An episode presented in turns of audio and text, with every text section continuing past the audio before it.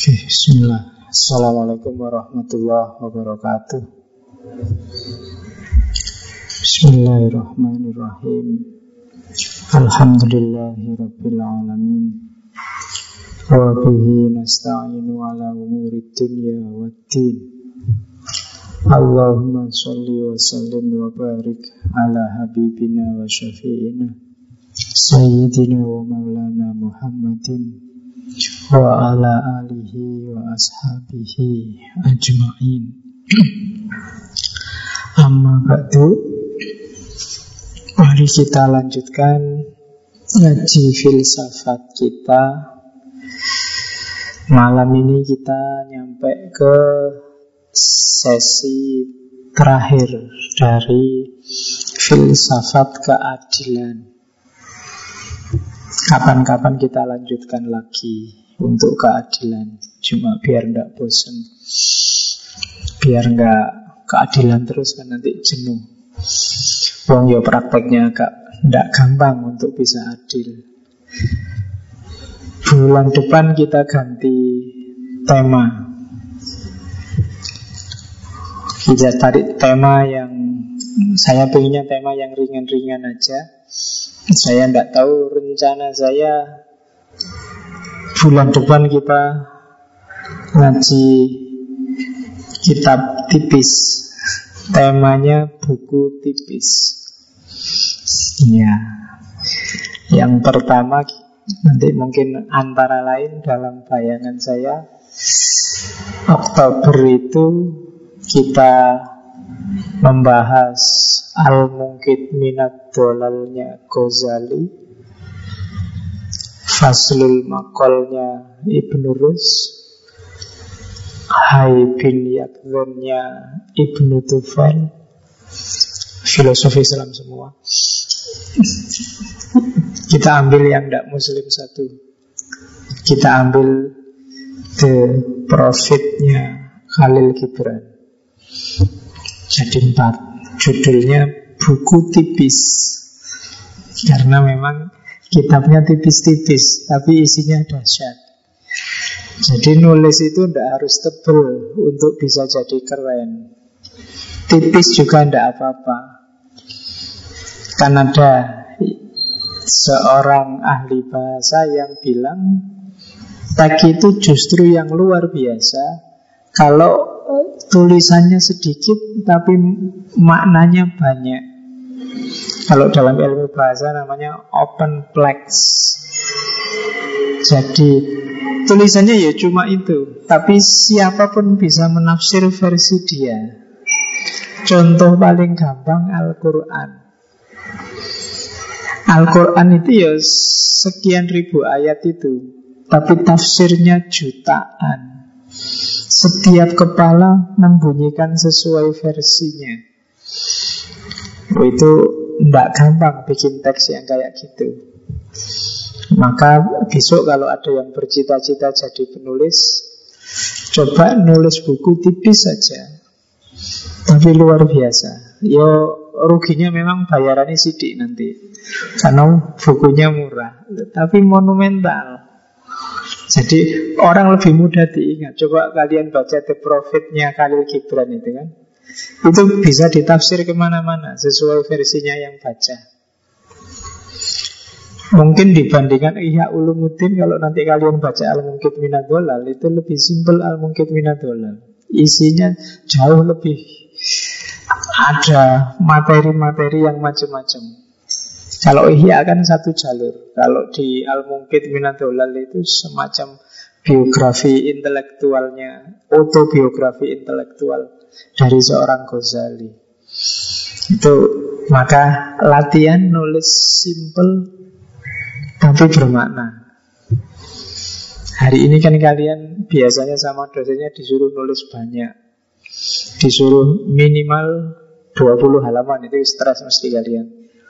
Ya, coba sekali-sekali saya tidak tahu ya. Dosennya ngasih tugas materi sebanyak ini ringkaslah jadi satu halaman saja. Kalau kalian bisa luar biasa.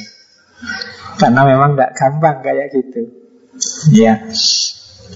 Saya pernah lihat ada proposal S3 tapi luar negeri ya. itu cuma tiga halaman. Tapi orang baca tiga halaman itu langsung ngerti, oh ini maunya neliti ini dengan metode ini, arahnya ke sini nanti dia ingin menemukan ini. Orang langsung paham.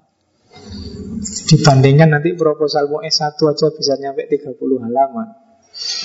Yang mau diomongkan besok diisi skripsi ada semua di proposal. Jadi orang nggak perlu membaca ke belakang mau coba proposal itu wis ngerti isinya itu apa. Itu jadi malam ini saran saya sebaliknya nulislah tipis-tipis saja tapi bermakna.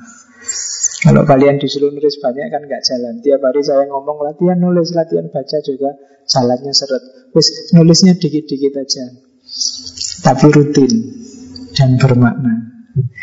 Oke, ke materi sekarang. John Roll.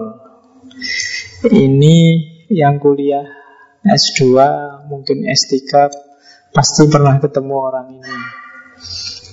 Khususnya mahasiswa filsafat. Termasuk ketika masuk ke filsafat moral dan filsafat politik.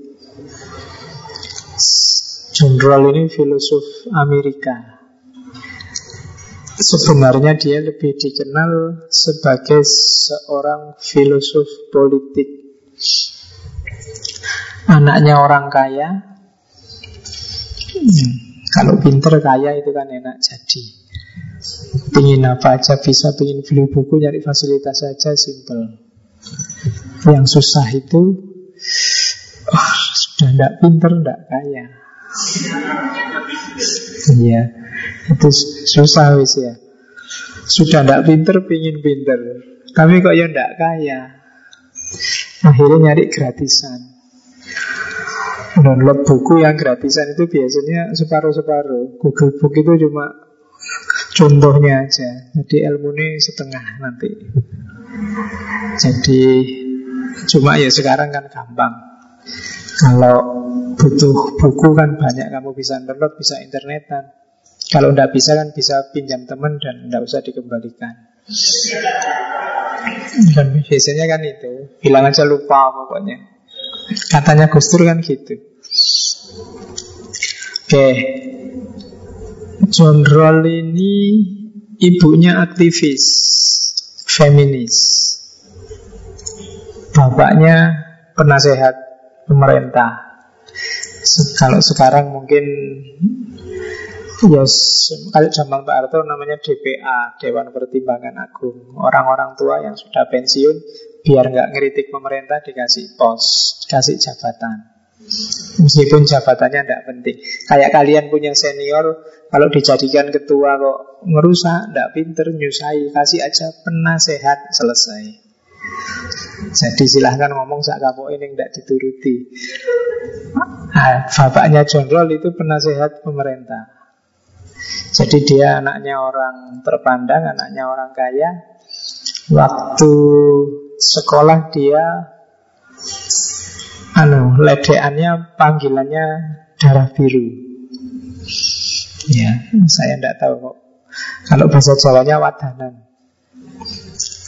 Jadi ledeannya itu dia dipanggil darah biru Meskipun kelihatan bukan meledek kan Kalau orang dipanggil darah biru itu Orang Jawa lebih sadis lagi Kalau bikin panggilan Tidak seperti orang Amerika ada orang kurus saja kan bisa dipanggil krempeng Bisa dipanggil Zaman saya dulu punya teman kurus panggilannya triplek Kemudian Ya Ya dipanggilnya triplek Halo plek, triplek itu kan panggilan luar biasa itu. Oke. Okay.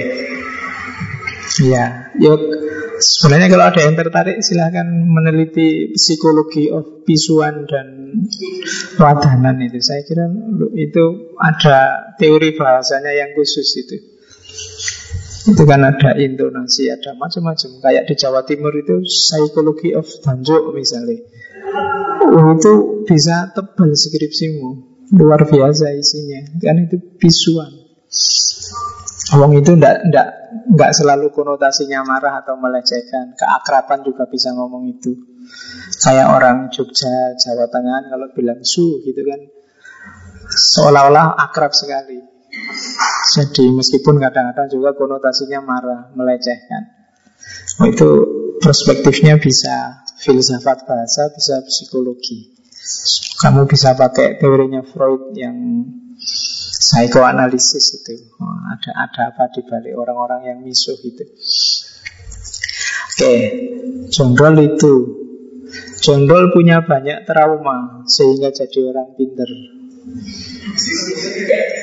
Iya, kalau hidupnya lurus-lurus saja ya mungkin Iya, ndak, ndak ada yang bikin meletik Tapi kadang-kadang pengalaman traumatik itu bikin orang meletik Dua saudaranya meninggal gara-gara dia Jadi Jonrol yang sakit. Dua kali dia sakit Cuma dia sembuh. Saudaranya yang ketularan dia meninggal. Jadi pertama sakit difteri Yang kedua sakit pneumonia. Jadi radang paru-paru. Menular ke saudaranya meninggal. Dua-duanya. Meskipun kakaknya masih hidup Tapi dua adiknya gara-gara dia meninggal. Terus trauma yang lain Dia sempat juga ikut perang dunia kedua. Ditugaskan di daerah-daerah Asia termasuk Papua Nugini, termasuk Jepang. Dia termasuk saksi mata bom di Hiroshima. Dan itu yang nanti bikin dia jadi aktivis anti perang. Karena dia trauma. Terus Teori keadilan juga diinspirasi oleh pengalaman hidupnya. Khususnya ketika dia melihat kulit hitam. Kulit hitam itu kan sumber masalah kalau di Amerika. Kalau di sini kan biasa kulit hitam itu. Rata-rata teman-teman kan juga kulitnya hitam. Tidak apa-apa. Kalau, kalau di Amerika kulit hitam itu dianggap masyarakat kelas 2 Meskipun bulu-bulu kalau ke Indonesia kadang-kadang yang dicari yang hitam-hitam Yang putih-putih tidak laku Karena mungkin bagi mereka yang putih di tempatnya sana banyak Pengen jajal sing irun-irun Mungkin itu, psikologi bisa begitu tapi di asalnya sana, daerah asalnya sana kulit hitam mungkin sampai hari ini. Kemarin yang kasus demo rusuh itu kan gara-gara ada polisi nembak orang kulit hitam. Jadi di bawah sadarnya orang Amerika itu sebenarnya ada ada mode rasisnya. Kalau lihat orang kulit hitam dianggap masyarakat kelas 2. Oke, okay. itu jurol dan ibunya sendiri termasuk yang agak anti sama orang kulit hitam. Itu yang bikin nanti salah satu yang menginspirasi John Rawls untuk menggagas Theory of Justice. Bukunya yang masterpiece, teori keadilan. Yang ini dianggap puncaknya teori keadilan dalam filsafat politik modern menggabungkan beberapa gagasan keadilan dari filosof sebelumnya, dikritik, disempurnakan. Lahirlah teori of justice. Makanya saya taruh di sesi yang paling akhir. Syaratnya harus ngecek lagi ngaji-ngaji yang kemarin mulai awal. Biar bisa agak menangkap apa maunya John Roll. Oke, dimulai. Bismillah. Itu fotonya tak ambil yang menurut saya paling ganteng. Di foto yang lain jelek. Karena itu mungkin bukan foto lukisan. Orangnya tipikal orang Amerika, tipikal orang bule. Kalau sudah tua kan kelihatan tidak segar lagi. Oke, kita lihat kalimat-kalimat dari Theory of Justice. Saya buka dengan kata-katanya general bahwa bahasa Inggris ya tidak apa-apa. Justice is the first virtue of social institu institution as truth is of system of work. A theory, however elegant and economical, will be rejected or revised if it is untrue. Likewise, laws and institutions, no matter how efficient and well arranged, must be reformed or abolished if they are unjust. Katanya John Roll, keadilan itu adalah kebajikan pertama dari institusi sosial kehidupan bersama. Sebagaimana kebenaran itu juga kebajikan pertama dari pemikiran. Jadi secara individu hal paling penting dalam diri kita sebagai manusia adalah kebenaran. Karena kita punya ciri berpikir dan berpikir itu jalan menuju kebenaran. Posisinya kebenaran dalam hidup kita itu sama dengan posisinya keadilan dalam kehidupan sosial. Jadi analoginya begitu. Itulah pentingnya keadilan. Katanya John lagi, satu teori betapapun elegan. Elegan itu mungkin kalau bahasa Indonesia terjemahkan aja keren. Sekeren apa pun teori, and economical. Economical itu sederhana, nggak perlu jelimet orang bisa paham. Tapi must be rejected harus ditolak atau direvisi kalau dia tidak benar. Karena mikir itu ya nyawanya ada di kebenaran. Serumit apa pun teori kalau tidak benar ya nggak ada nilainya. Sama kayak hukum, sama kayak apalagi aturan sosial seefisien apa pun, setertib apa pun, sebagus apa pun harus direformasi, harus dihancurkan kalau dia tidak adil. Jadi kalau ada struktur sosial yang tidak adil itu sama dengan pemikiran yang tidak benar. Levelnya seperti itu. Itu maunya John Rawls. Jadi hidup itu kan isinya dua, hidup sendirian atau hidup bareng-bareng. Kalau hidup sendirian, bekalnya pikiran. Hidup sendirian itu maksudnya hidup kita secara individu. Nah, kalau hidup kita yang bareng-bareng ini bekalnya struktur sosial, aturan sosial. Pikiran menuntut kebenaran, aturan sosial menuntut keadilan. Jadi asumsi pertamanya itu, jadi hidup harus adil. Kalau enggak, itu sama dengan kita mikir tapi salah. Prinsip yang pertama. Dari situ terus dia kalau begitu harus dirumuskan hidup yang adil itu bagaimana. Kalau kita yang umat beragama kan sering bilang bahwa Allah itu maha adil. Orang sufi menyuruh kita berakhlak sesuai akhlaknya Allah. Taholak bi ahlakillah. Berarti perintah adil itu ya sebenarnya tidak cuma perintahnya pikiran, tapi juga perintahnya agama. Innallaha ya'muru bil adli wal ihsan. Itu biasanya hampir semua khotib ngomong itu di akhir khutbahnya biasanya innallaha ya'muru bil adli wal ihsan.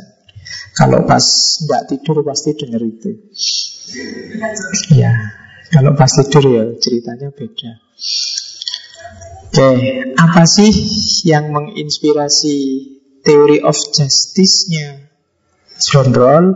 Yang pertama khas modern, khas Amerika liberalisme, kebebasan manusia. Jadi manusia itu nilai paling basic dalam hidupnya adalah bebas. Dia hidupnya bisa milih Ingin gaya A, ingin gaya B, boleh Itu satu-satunya yang punya hak untuk bebas itu manusia Kemarin satu bulan kita ngomong filsafat kebebasan. Semua makhluk yang lain tidak ada. Binatang tidak bisa. Apalagi tumbuhan. Tumbuhan itu pindah tempat aja nggak bisa. Di situ ya di situ terus. Binatang bisa pindah tempat tapi juga tidak bebas. Bebek itu sejak dulu kayak gitu sampai hari ini kayak gitu. Tapi kalau manusia dia bisa ganti mode. Dia bisa milih. Kalian kan gaya hidupmu sebenarnya hasil keputusanmu milih. Itu bebas. Mulai hal paling kecil sampai paling besar. Meskipun Pak Mir menyediakan minum, itu kalian bebas milih mau ngambil apa enggak. Meskipun Pak Mir menyediakan satu gelas untuk satu orang, sebenarnya kalian juga bisa milih. Mungkin ngambil dua, tiga gelas tidak apa-apa kalau tidak ketahuan. Jadi hidup ini katanya kelompok ini bahwa hakikatnya adalah bebas. Kamu mau milih aliran fundamentalis atau aliran liberal itu juga pilihan. Jangan dikira kalau fundamentalis itu bukan pilihan, yang liberal itu baru yang enggak. Dua-duanya juga pilihan. Kalau kamu tidak milih itu juga bisa. Jadi Dasar teori yang dipakai oleh John Rawls yang pertama untuk bisa nanti keadilan itu jalan, syaratnya adalah diakui bahwa manusia itu bebas. Karena perilaku pilihan hidup itu tidak bernilai moral kalau itu tidak bebas, kalau itu terpaksa, kalau itu terancam. Jadi teori pertama yang nanti diramu oleh John Rawls adalah liberalisme kebebasan. Terus yang kedua teori kontrak sosial.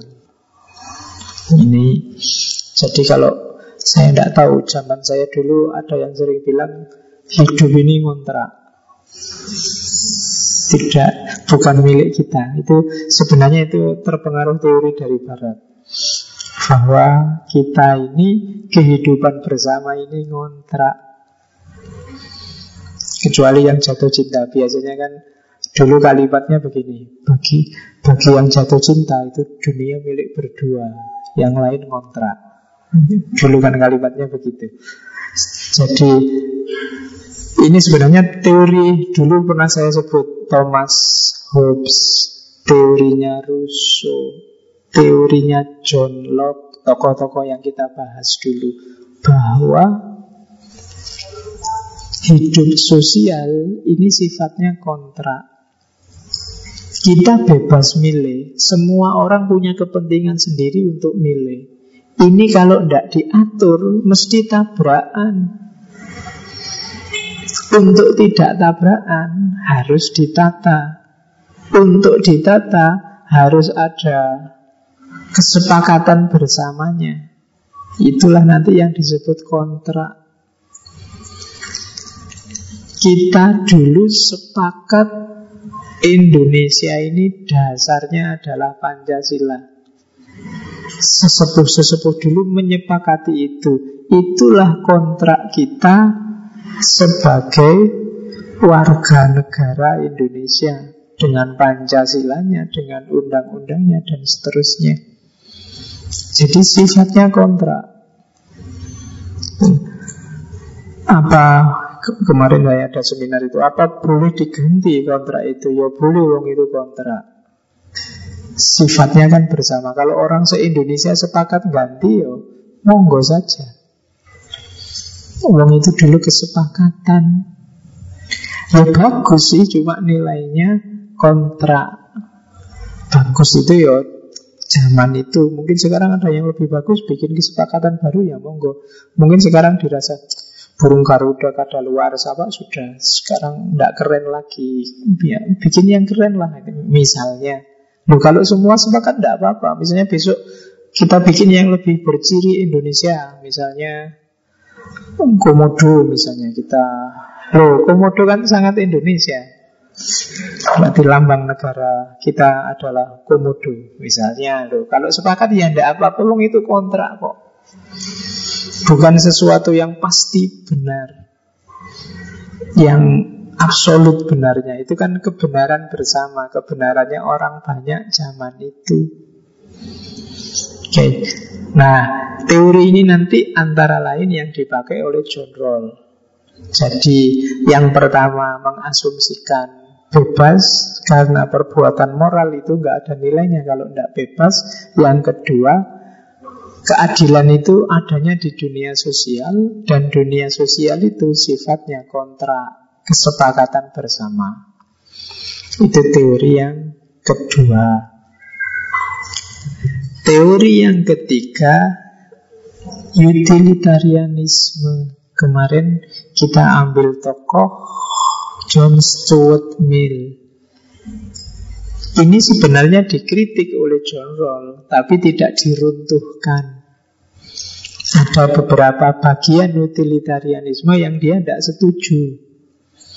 Utilitarianisme itu kan kebahagiaan paling besar untuk sebagian paling besar orang. Misalnya utilitarian itu Enaknya minumnya teh apa kopi? Kalau mayoritas sukanya kopi, maka sudah adil kalau takmirnya bikin kopi.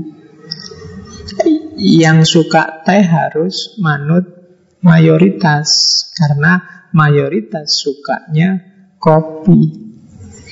Nah, itu utilitarian. Jadi kepentingan orang paling banyak di nomor satukan. Jadi rumusnya utilitarian itu hukum itu adil kalau membela kepentingan orang paling banyak. Kan sekarang ada orang yang teriak-teriak, kita itu mayoritas harusnya menguasai. Nah, itu teori utilitarian namanya. Gaya barat. Jadi apa Islam kayak gitu? Ya kapan-kapan kita bahas. Apa ya sih prinsip-prinsip keberagamaan kita itu yang di nomor satukan adalah prinsip kebenarannya orang banyak.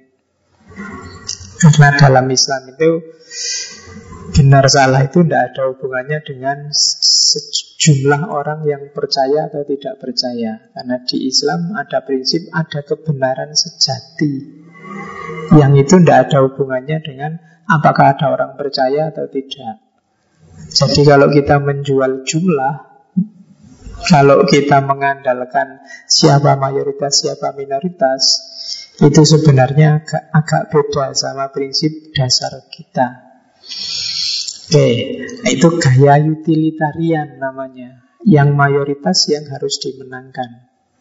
Ya rasional saja sebenarnya, cuma nanti dikritik oleh John Rawls. Kalau semacam ini, nanti pasti ada yang dikorbankan. Kalau ada yang dikorbankan, berarti tidak adil. Berarti strukturnya belum adil. Kalau ada, sudahlah kamu ngalah aja. Kamu kan jumlahnya sedikit. Yang suka teh sebaiknya tidak usah cerewet. Kalau ingin takmir bikin teh, provokasilah teman-teman yang suka kopi biar pindah jadi teh. Nah itu utilitarian. Kalau John Roll tidak setuju yang kayak gitu. Bagi John Roll tidak boleh ada struktur yang secara sengaja mengorbankan hak meskipun sifatnya haknya minoritas. Semua level harus menikmati struktur yang adil. Nanti kita lihat tawarannya John Roll. Itu yang keempat. Eh, yang ketiga. Yang keempat, intuisionisme.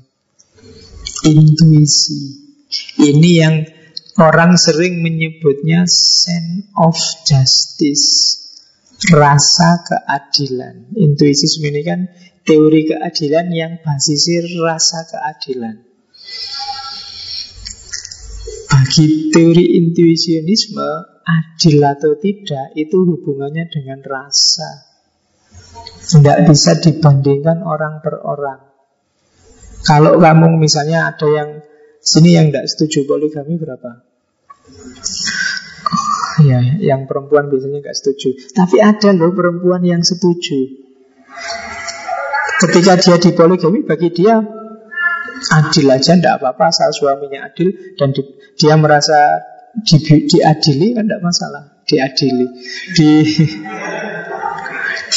pokoknya dia merasa dilindungi, dipenuhi kebutuhannya oleh suaminya dan dia merasa sudah adil. Ini sense of justice. Kamu yang nggak setuju poligami jangan dimarah-marahi dia ini. Wong dia merasanya begitu kok. Ah, itu dasar teori keadilan intuisionisme. Ditindas, ngerti, tapi dia tidak masalah tuh enjoy aja, enak-enak aja. Itu sah, itu adil. Itu intuisionisme. Kita tidak bisa, jangan mau memberontak aja, proteslah aja. Tidak kok, bagi dia itu sudah adil kok. Itu intuisionisme. Jadi adil atau tidak, ya tergantung yang merasakan dong. Kalau saya merasa adil ya berarti adil. Kalau saya enggak Meskipun bagi orang-orang semua adil loh sampean. Suaminya kaya loh Biar aja dia nikah banyak Atau kebutuhannya terpenuhi Enggak. Berarti enggak adil. Jadi secara intuisionis Adil atau tidak adil Tergantung yang merasakan. Beda sama yang utilitarian tadi. Misalnya punya istri empat yang tiga merasa adil, yang satu merasa tidak adil. Nah, tetap disebut adil, wong yang tiga nganggep adil kok. Itu utilitarian.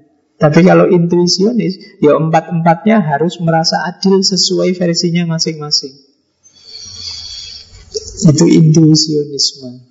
Alatnya memang intuisi, bukan rasio. Jadi tidak bisa dikalkulasi satu tambah satu dua. Kalau ini dapat dua, ini juga dapat dua. Tidak bisa begitu. Sesuai konteksnya masing-masing. Intuisi itu kan sifatnya subjektif. Kalau dalam agama, sifatnya huduri. Jadi kamu rasakan sendiri dalam dirimu. Pengetahuan intuitif itu kan pengetahuan yang tidak bisa dijelaskan secara deskriptif, harus kamu alami sendiri. Contohnya kopi yang manis atau teh yang manis. Itu tidak bisa kalau kamu tanya, coba jelaskan manisnya kopi susumu itu kayak gimana.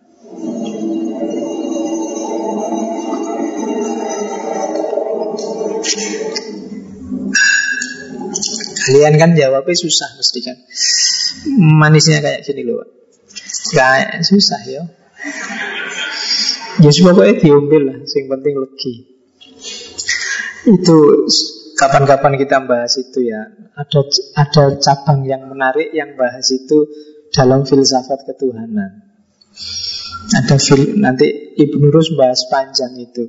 Allah itu tahu segalanya enggak? Iya. Kalau pengetahuan Eksperensial, pengetahuan dari pengalaman. Kira-kira ayah Allah tahu tidak? Wah itu jawabnya susah. Karena pengetahuan pengalaman itu harus didapat lewat pengalaman. Tidak bisa diketahui berjarak. Misalnya, Allah tahu nggak? Ini contoh ya. Allah tahu nggak rasa mules? Itu kan jawabnya susah. Kalau Allah tahu rasa mules, berarti Allah harus pernah mules. Masuk kursi Allah mules Tidak nyampe kita kan? Oh itu jauh Pertanyaan ini nanti oleh Ibu Nurus dijawab panjang. Hampir 200 halaman. Ya meskipun contohnya ya bukan mules Tapi Allah ngerti nggak pengetahuan-pengetahuan yang sifatnya pengalaman. Kalau kamu jawab enggak, ya masuk Allah enggak ngerti. Kalau kamu jawab ngerti, ya masuk Allah ya ya mulus barang kan ya. Susah menjatuhkan kredibilitasnya Allah sebagai Tuhan itu kan? Iya. Jadi kontradiksi antara sifat-sifat Tuhan itu kan susah. Banyak yang kayak gitu. Misalnya kamu pinginnya Allah itu tahu segalanya Tapi kamu tidak mau Jabariyah. Itu kan juga kontradiksi Kalau Allah tahu segalanya Berarti segalanya sudah ada skenario-nya. Itu ya Jabariyah sebenarnya. Tapi kan kamu nggak mau. Ya enggak lah Pak. Kita itu manusia bebas kok. Ya Allah tahu segalanya enggak? Ya tahu. Dan kalau Allah sudah tahu kan Berarti ceritanya sudah jelas. Itu kontradiksi juga. Banyak yang kayak gitu. Ya sama kayak pertanyaan Bisa ndak Allah itu menciptakan benang ruwet Yang sangat ruwet? Saking ruwetnya Allah sendiri nggak bisa mengurai akhirnya. Itu kan kontradiksi. Itu yang bisa jawab yang logikanya tinggi. Kapan-kapan kita ngaji mantek agak dalam Ibnu Rus banyak ngomong itu Thomas Aquinas kemarin juga banyak ngomong itu. Sebenarnya kemarin kita ngomong Thomas Aquinas keadilan itu Cuma nyuplik sedikit dari teorinya. Summa teologika itu ngomong ketuhanan panjang lebar. Oke, cuma ya ndak usah ke susu ya. Belajar filsafat aja ke susu. Kalau ke susu tidak jadi. Pelan-pelan aja dinikmati. Dapat dikit-dikit syukur Nggak dapat juga Alhamdulillah Loh ya kan prinsipnya kan tetap sama rumusnya. Ilmu itu seizin Allah. Kan kalau Allah nggak mengizinkan ya nggak dapat. Meskipun kamu ngaji di sini Manduk-manduk duduk paling depan Kalau frekuensinya nggak nyambung sama Allah kan nggak dapat tetap. Al ilmu kan nurun. Ilmu itu cahaya. Dan tidak sekedar ngerti loh ya, tidak sekedar paham. Kadang-kadang kamu merasa bisa menangkap nanti pulang juga hilang.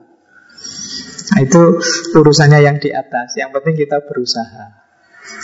Dan jangan lakukan yang bikin Allah tersinggung. Yo, kalau bahasa kan maksiat, yang dosa-dosa kecil itu.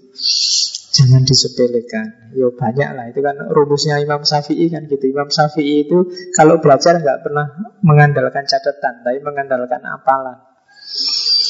Dan itu mungkin dilakukan karena jauh dari dosa kecil-kecil. Karena yang namanya apalan itu kan butuh kejernihan pikiran. Kalau rumusnya Ghazali, untuk batinmu jernih, pikiranmu jernih, tidak boleh ada yang bikin ruwet. Tidak boleh ada yang mengotori. Nah yang tidak beres tidak beres tadi Bikin ruwet dan mengotori. Nah itu rumusnya. Makanya santai aja Dinikmati belajar filsafat. Paling tidak kita dapat Pahala nyari ilmunya. Kan Umat Islam selalu mendorong Cari ilmu, cari ilmu. Kalau dapat ilmu itu tidak wajib itu urusannya Allah. Jadi kita cari aja ilmu. Ya, ketemu tidak ketemu pokoknya dicari. Oke, jadi nanti konsepnya John Roll itu mix antara liberalisme, kontrak sosial, utilitarianisme, dan intuisionisme. Itu nanti dalam bahasanya John Roll dia menyebut teoriku itu sifatnya reflektif equilibrium. Jadi gandengan antara refleksi rasional dan intuisi. Peduli dengan sense of justice tapi tidak meninggalkan rasio. Yo, sense of justice sih sense of justice tapi tetap prosedurnya pakai akal. Nah, itu namanya kalau istilahnya John Roll namanya reflective equilibrium. Equilibrium itu kan tengah-tengah imbang. Yo, adil itu harus diukur secara rasional. Meskipun demikian, harus peduli juga dengan rasa keadilan. Rasa keadilan ini yang tadi disebut intuitif tadi. Jadi ada level ketika keadilan itu sifatnya rasa. Jadi kita rasa, oh, rasanya kok tidak adil ya. Kan kalian sering misalnya lihat berita ada nenek-nenek umur 70 tahun fakir miskin nggak punya keluarga untuk bisa makan dia ngambilin kayunya PTPN untuk dijual ngambil sedikit kayu aja orang setua itu dihukum lima tahun apa tujuh tahun Ya, hukumnya memang mungkin begitu. Di undang-undangnya begitu, rasionalnya begitu. Tapi sense of justice kan Ya masa orang setua itu dihukum tujuh tahun Mbok sudah tidak usah Ya dihukum sih dihukum Tapi ya jangan begitu Hukumnya sudah tua. Perempuan sendirian lagi Tidak punya keluarga lagi misalnya. Ah, Itu sense of justice yang bunyi. Tapi rasionya di mana? Ya jangan Ya tetap dihukum Wong dia salah maling. Itu rasio. Tetap tidak boleh ngambil barangnya orang lain itu. Cuma ya hukumnya bagaimana? Nah, itu sense of justice harus main Nah, itu yang oleh John Rawls disebut reflective equilibrium. Equilibrium itu keseimbangan. Terus, sekarang kalau ngomong keadilan, katanya John Rawls, jangan dibahas kasus per kasus. Susah nanti. Ranahnya keadilan itu bukan kasus per kasus, tapi struktur wong keadilan itu hubungan manusia dengan manusia yang lain. Cara paling gampang untuk mewujudkan keadilan adalah garaplah. Kalau bahasanya John Rawls, basic structure of society. Struktur sosial masyarakatnya yang digarap hukumnya, struktur ekonominya, struktur politiknya, bikin seadil mungkin. Jangan garap kasus per kasus.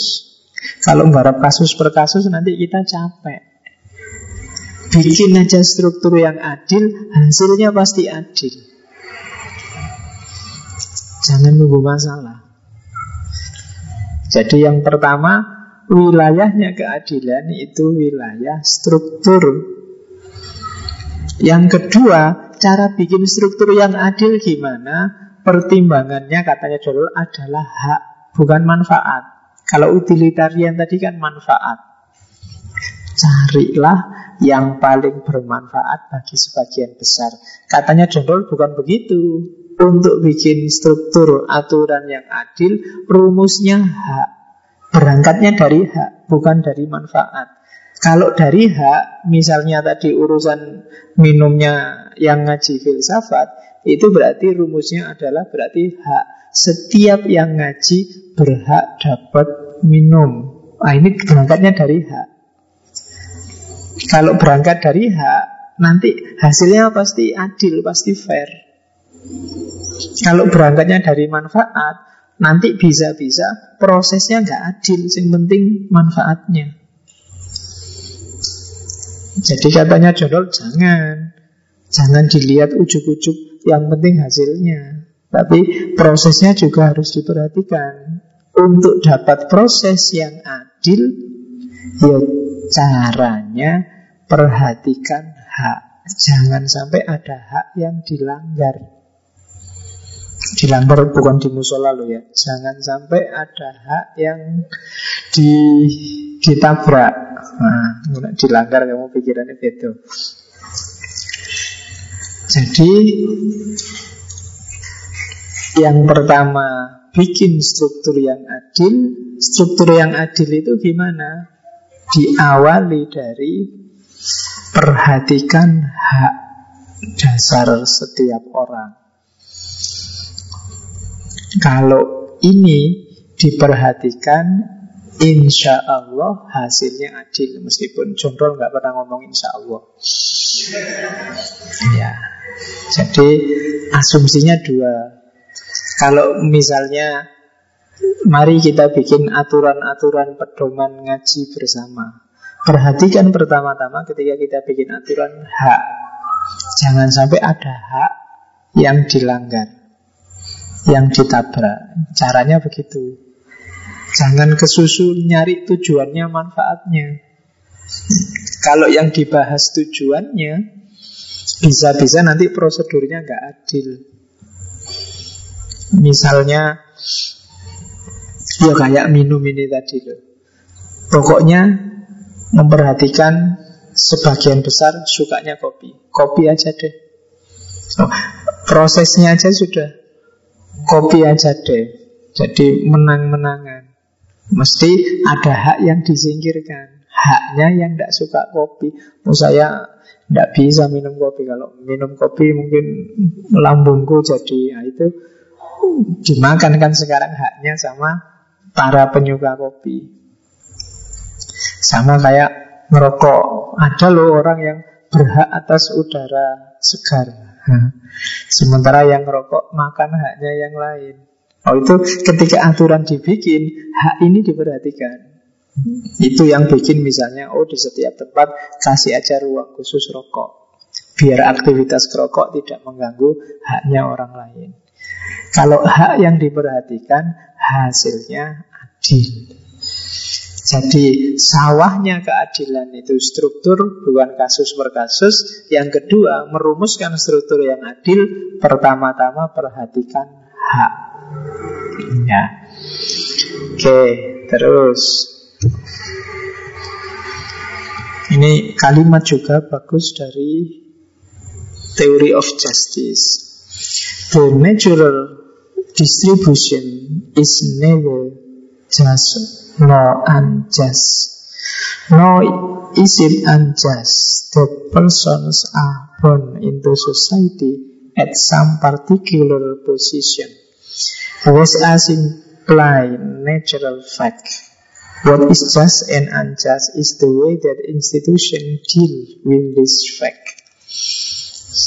Awas salah melihat fenomena adil dan tidak adil. Yang pertama, natural distribution is neither just nor unjust. Distribusi yang sifatnya alami itu tidak bisa disebut adil atau tidak adil. Itu sudah hukum alam. Temenmu gondut liar, luar biasa, kamu kurus luar biasa, kamu nggak bisa komplain. Ah, kamu tidak adil, kamu ambil semua dagingnya, aku tidak kebagian, misalnya tidak iso. Itu natural distribution. Kok enak dia lahirnya jadi anaknya orang kaya Saya jadi anaknya orang desa. Tidak bisa komplain Itu sudah natural distribution. Kalau di Islam ya itu Gusti Allah Sewi sing ngatur. Kamu nggak bisa milih lahir jadi anaknya siapa Ada di mana. Kalau bisa milih mungkin kemarin Kamu milih jadi anaknya SBY Baru berkarir sebentar sudah jadi calon gubernur, punya istri cantik, punya wah seneng. Cuma kan kamu nggak bisa milih. Akhirnya ya kayak gitu-gitu aja. Kalau boleh milih kan kamu jadi anaknya artis-artis itu biar wajahnya lumayan. Yo kok yo lahirnya dari sana, wah suatu. Nah kan, tapi kamu nggak boleh komplain, apalagi sama Allah. Sudah jatahmu itu Itu natural distribution. Tidak bisa dikasih atribut Adil atau tidak adil. Oke. Okay. Nah Adil atau tidak adil itu bukan urusan itu Tapi urusan gimana kamu menyikapi fakta itu Gimana institusi menyikapi perbedaan-perbedaan tadi. Itu baru bisa kena adil dan tidak adil. Misalnya kayak tadi Ada orang cakep, ada orang jelek. Itu natural distribution. Institusi sosial jangan bikin aturan tidak adil sehubungan dengan cakep dan jelek. Misalnya yang boleh lewat jalan sini hanya orang cakep saja. Oh, Itu tidak adil Loh. Jadi adil dan tidak adil itu bukan urusan natural distributionnya, tapi gimana kita merespon natural distribution ini. Ada di situ wilayahnya. Jadi bukan di kok ada orang wah ini lahir di anaknya orang kaya, dia lahir di anaknya orang miskin. Ini kaya, ini miskin. Itu natural, tapi menyikapi adanya orang kaya dan orang miskin ini institusi sosial kayak gimana? Dia bikin aturan apa? Di situ baru kita bisa cek apakah ada keadilan atau tidak ada keadilan. Jadi rumus selanjutnya itu jadi adil dan tidak adil itu. Tadi ada beberapa rumus ya. Yang pertama struktur sosial yang kedua urusan dengan hak, dan yang ketiga ini menyikapi distribusi natural. Bahwa keadilan itu tidak terletak di distribusi naturalnya, tapi terletak di cara kita menyikapi distribusi natural itu. Terus, Oke, sebentar lagi kita ketemu intinya. 1, 2, 3, 4, 5, 6, 7 teori itu. Siap-siap ya, yang sudah mulai ngantuk, kopinya diminum. Ya, ini mulai babak agak jelimet. Oke, itu tidak usah saya baca. Nanti kamu kopi aja yang itu, tak jelasin satu-satu. Jadi ada tujuh isu utama dalam teorinya John Rawls ada ada namanya original position, ada namanya veil of ignorance, ada equal liberty principle, ada inequality principle, ada differences principle, ada equal opportunity principle. Oke, okay. istilah-istilah kerennya silahkan dihafalkan. Ya, kan kalian biasa begitu. Penjelasannya ini. Oke. Ini teori paling dasar dari Rawls. Justice as fairness. Tadi kan sudah kenal lapangannya, sekarang kita pahami karakternya. Jadi keadilan itu fairness. Fairness itu kesetaraan, memposisikan manusia, memposisikan orang semuanya sebagai setara Podo-podo wonge Sama-sama manusianya Itu prinsip paling basic Paling dasar. Jadi Setiap orang Itu Fair Setara.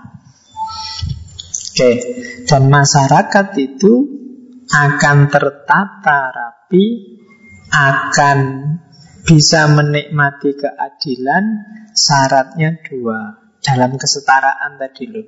Yang pertama kan ini kalau kita hidup di masyarakat ada aturan. Aturan ini adil apa enggak? Kuncinya dua. Yang pertama, semua anggota masyarakat tahu dan mau menerima prinsip-prinsip keadilan di masyarakat itu.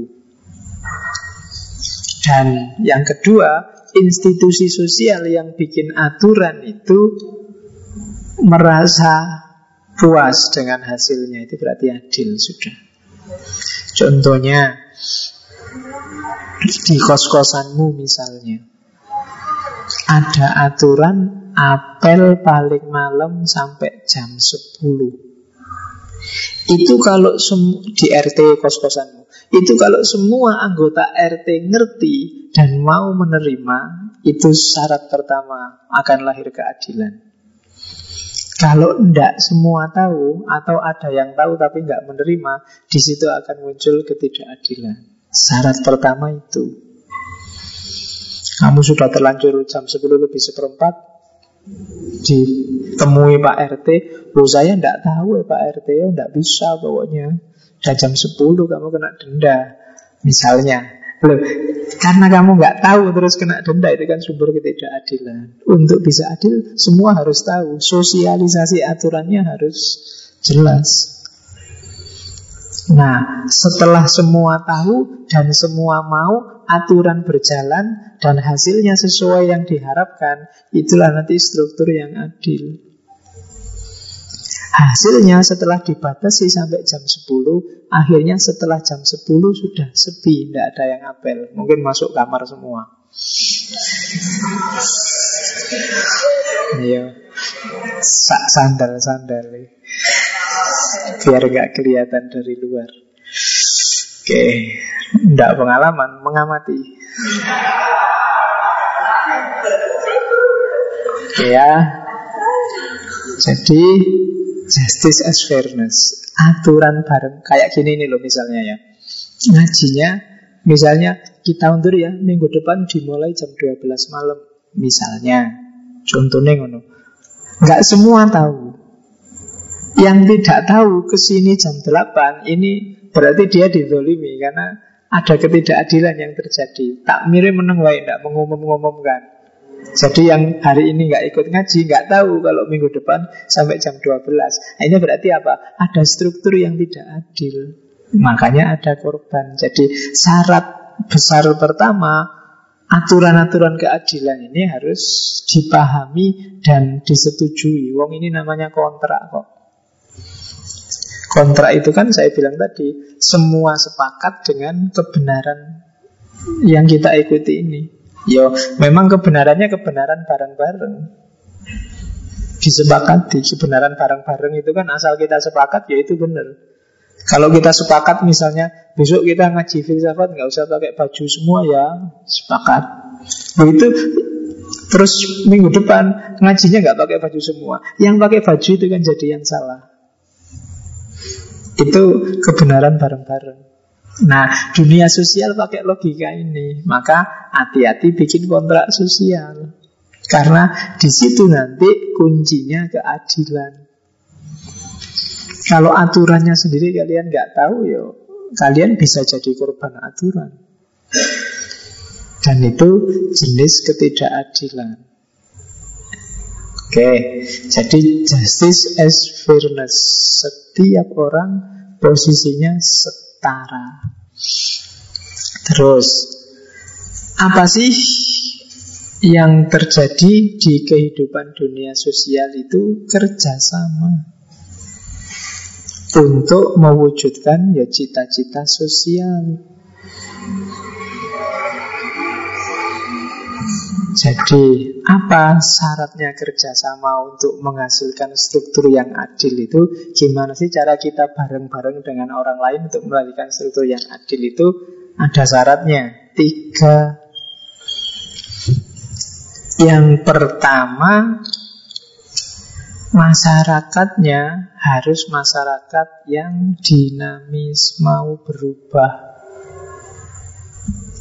Kalau masyarakatnya kaku, pokoknya di sini tradisinya ya ini, jangan diowa-owa. Itu alamat susah mewujudkan keadilan. Karena pasti yang terjadi tadi otoriter, Orang terpaksa menjalankan aturan, bukan orang bebas milih ikut ati, ikut aturan atau tidak. Jadi syarat adil yang pertama apa? Masyarakat harus punya mental mau berubah. Kalau enggak susah. Kalau masyarakatnya kaku, tradisi dari tahun 1805 sekian masih sekarang dipertahankan. Padahal zaman berubah. Tapi pokoknya harus ini. Itu yang terjadi bukan pilihan tapi paksaan. Dalam struktur yang paksaan, tidak ada keadilan. Orang terpaksa. Yang kedua, bedakan kerjasama dengan apa ya? Itu bahasanya Jorol aktivitas yang dikoordinasi. Kayak eh, kalian di kelas sama dosennya gini ya besok kuliahnya kayak gini gini gini masuk paling lambat jam sekian nanti kita keluar jam sekian kita ketemu sekian kali ini namanya coordinated activity bukan kerjasama kalau kerjasama itu Eh enaknya kita kuliah berapa kali? Ada usulan 14 pak, 12 pak, anu, pak. Oke ya, kita kita sepakati ya. Nah, ini kerjasama. Tapi coordinated activity itu aturannya sudah dibikin duluan. Masyarakat tinggal harus ikut. Ah, ini bukan kerjasama. Dalam coordinated activity sangat mungkin ada ketidakadilan. Wong orang sepakat tidak selalu sesuai keinginannya. Loh kayak tadi loh, ketika bikin aturan apel paling malam jam 10, itu kan kalian nggak pernah diajak rundingan. Kalau kalian diajak rundingan mungkin nggak jam 10. Siapa tahu jam 8 wong jomblo kabeh. Udah lama nggak sampai jam 10 lah ngapain kita nggak punya pacar bisa jadi gitu kan. Cuma ini namanya coordinated activity Cuma Kalian nggak nggak ikut-ikut bikin disuruh. Nah, itu beda sama kerjasama. Bedanya apa sih kerjasama sama coordinated activity? Kalau kerjasama itu arahnya nanti adil karena disepakati bareng-bareng. Tapi kalau coordinated arahnya bukan adil atau tidak adil, tapi efisiensi atau efektivitas, jalan atau tidak jalan. Kalau aturannya jalan berarti efektif, kalau tidak ya berarti tidak efektif. Itu coordinated activity namanya. Ngaji ini itu mungkin lebih banyak koordinatif activity-nya daripada kerjasama. Kalian kan nggak pernah diajak rundingan, enaknya temanya apa, ngajinya apa kan sakarepku. Ini bukan kerjasama jelas. Itu bisa sangat tidak adil. Kamu lagi ingin ngerti apa, malah temanya itu. Itu kan tidak adil namanya. Tapi ya sakarepku. ya, tidak setuju ya Ben. Kalau ingin adil, harusnya kerjasama. Jadi dirunding bareng-bareng temanya apa?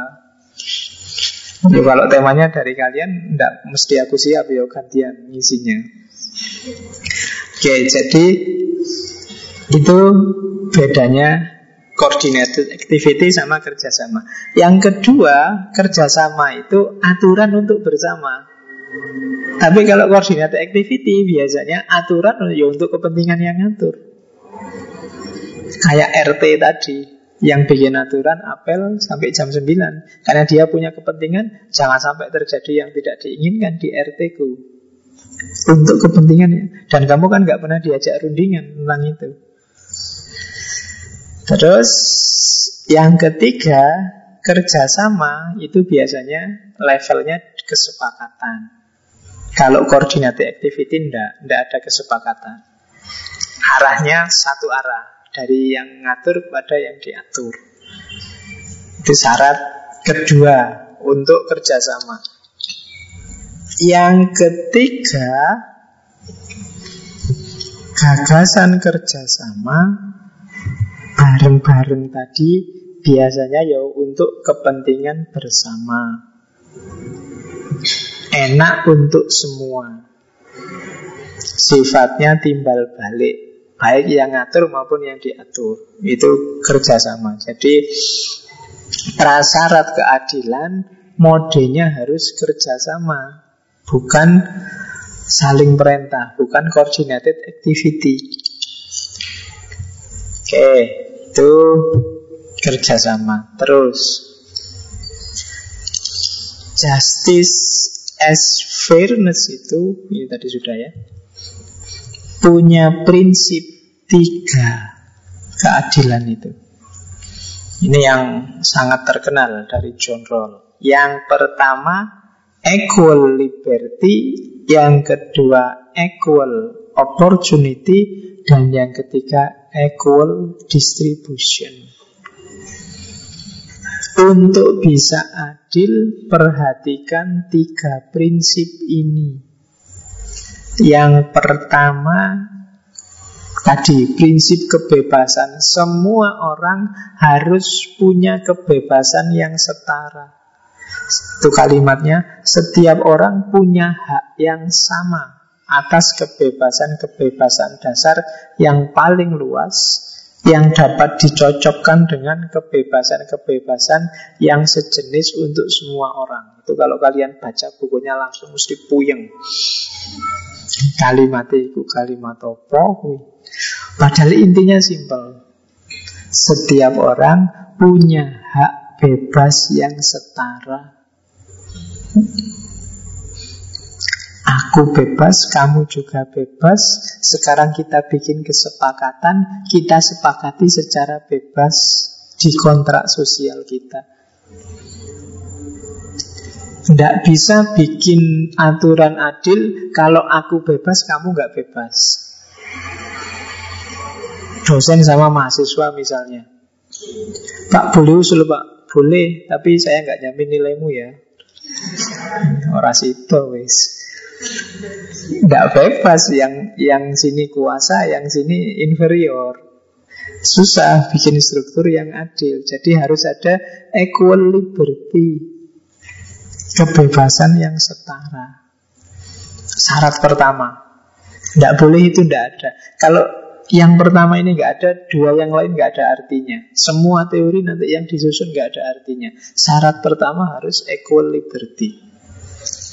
Baru yang kedua, equal opportunity. Sudah semua bebas, sekarang semua dikasih kesempatan yang sama. Silahkan kalau ada ide, Sam, sampean, sampean, sampean, semua dikasih jatah satu-satu itu equal opportunity. Tidak boleh ada ini yang boleh ngomong yang putri aja ya, yang cowok bosen tidak usah. Itu tidak equal opportunity namanya. Semua bebas, kemudian semua dikasih kesempatan yang sama. Itu namanya equal opportunity. Yang ketiga baru equal distribution.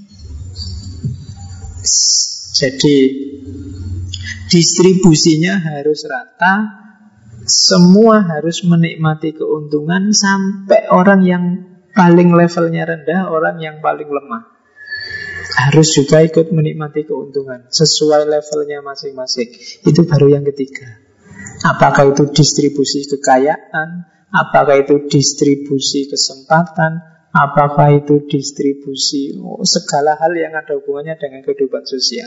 Itu harus terbagi rata. Sesuai kapasitasnya masing-masing Dan sesuai levelnya. Kalau kalimatnya termasuk orang yang paling lemah di masyarakat.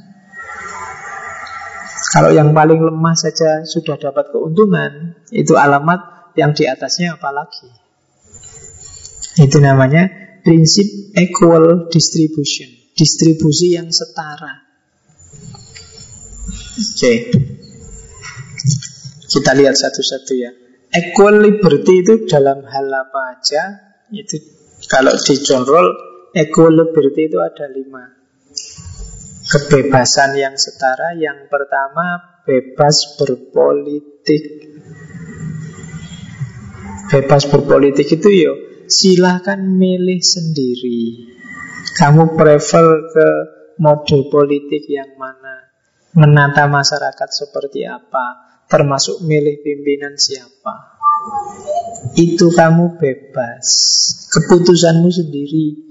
Meskipun di koran-koran, di majalah kamu diprovokasi, dikampanye habis-habisan, itu urusan yang kampanye. Tapi keputusan Milih atau tidak milih, nyoblos atau tidak nyoblos, itu hakmu. Ini termasuk hak. Jadi kemerdekaan berpolitik. Oke. Yo termasuk hari ini kan orang ribut tentang Ahok itu kan. Saya tidak tahu kok Cik senengi bahasa Ahok itu. Wong bukan orang Jakarta. Tidak ikut nyoblos. Tapi semua ribut. Seolah-olah kalau Ahok jadi atau Ahok nggak jadi terus ada revolusi besar di Indonesia. Padahal ya podo paling yang ngono-ngono Padahal itu hakmu. Politik itu. Jangan mau gampang dipengaruhi kecuali ada kayak tadi ya, ada level-level kesepakatan yang jelas karena kontrak sifatnya. Yang kedua freedom of speech and expression. Ini kebebasan berpendapat, punya pikiran.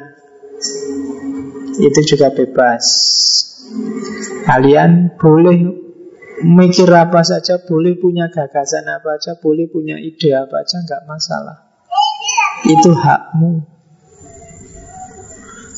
Kamu punya pendapat menurut saya Pak Indonesia ini dibubarkan aja lah Pak Sumpah aku Pak mikir nah, Jadi tidak apa-apa bebas berpendapat Yang tidak boleh kan kalau berpendapat, berpikir itu bebas. Yang tidak boleh kan bertindak. Bertindak baru aja norma-norma. Kalau bebas ya bebas. Saya mikir ingin memperkosa, nggak bisa ditangkap polisi, wong cuma mikir, membayangkan. Saya cuma membayangkan kok Pak kalau saya memperkosa gimana ya kira-kira adegannya misalnya. Loh kamu tidak bisa dipenjara gara-gara itu, wong cuma mikir. Berekspresi juga hakmu. Silahkan berekspresi. Ya, berekspresi kan itu ada tindakan kadang-kadang itu nanti berhadapan dengan norma-normanya sendiri. Tapi hukum prinsipnya kamu bebas. Tidak masalah. Equal liberty. Terus yang ketiga liberty of conscience thought, kebebasan personal. Yo, kamu ingin mengekspresikan kelanjutannya. Ekspresi sebenarnya kamu ingin punya person kayak gimana sih? Ingin jadi orang yang seperti apa sih? Mencitrakan dirimu sebagai apa sih? Itu hakmu. Misalnya kamu pulang kampung kalau di Jogja ini sholatnya sak-sae pakai jin, pakai anu, begitu pulang kampung kamu pakai sarung, pakai serban, pakai jubah, sebelum makan sudah ke masjid. Itu kan pencitraan namanya. Loh, tapi itu hakmu nggak masalah nggak boleh protes. Kamu pingin di kampungmu dikenal sebagai anak soleh. Nggak apa-apa itu hakmu meskipun di sini ya. Wallahu a'lam bisawab jadi itu kebebasan personal.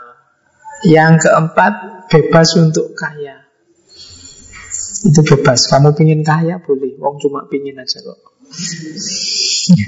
ya kalau bisa kaya beneran ya syukur. Tapi bercita-citalah jadi orang kaya.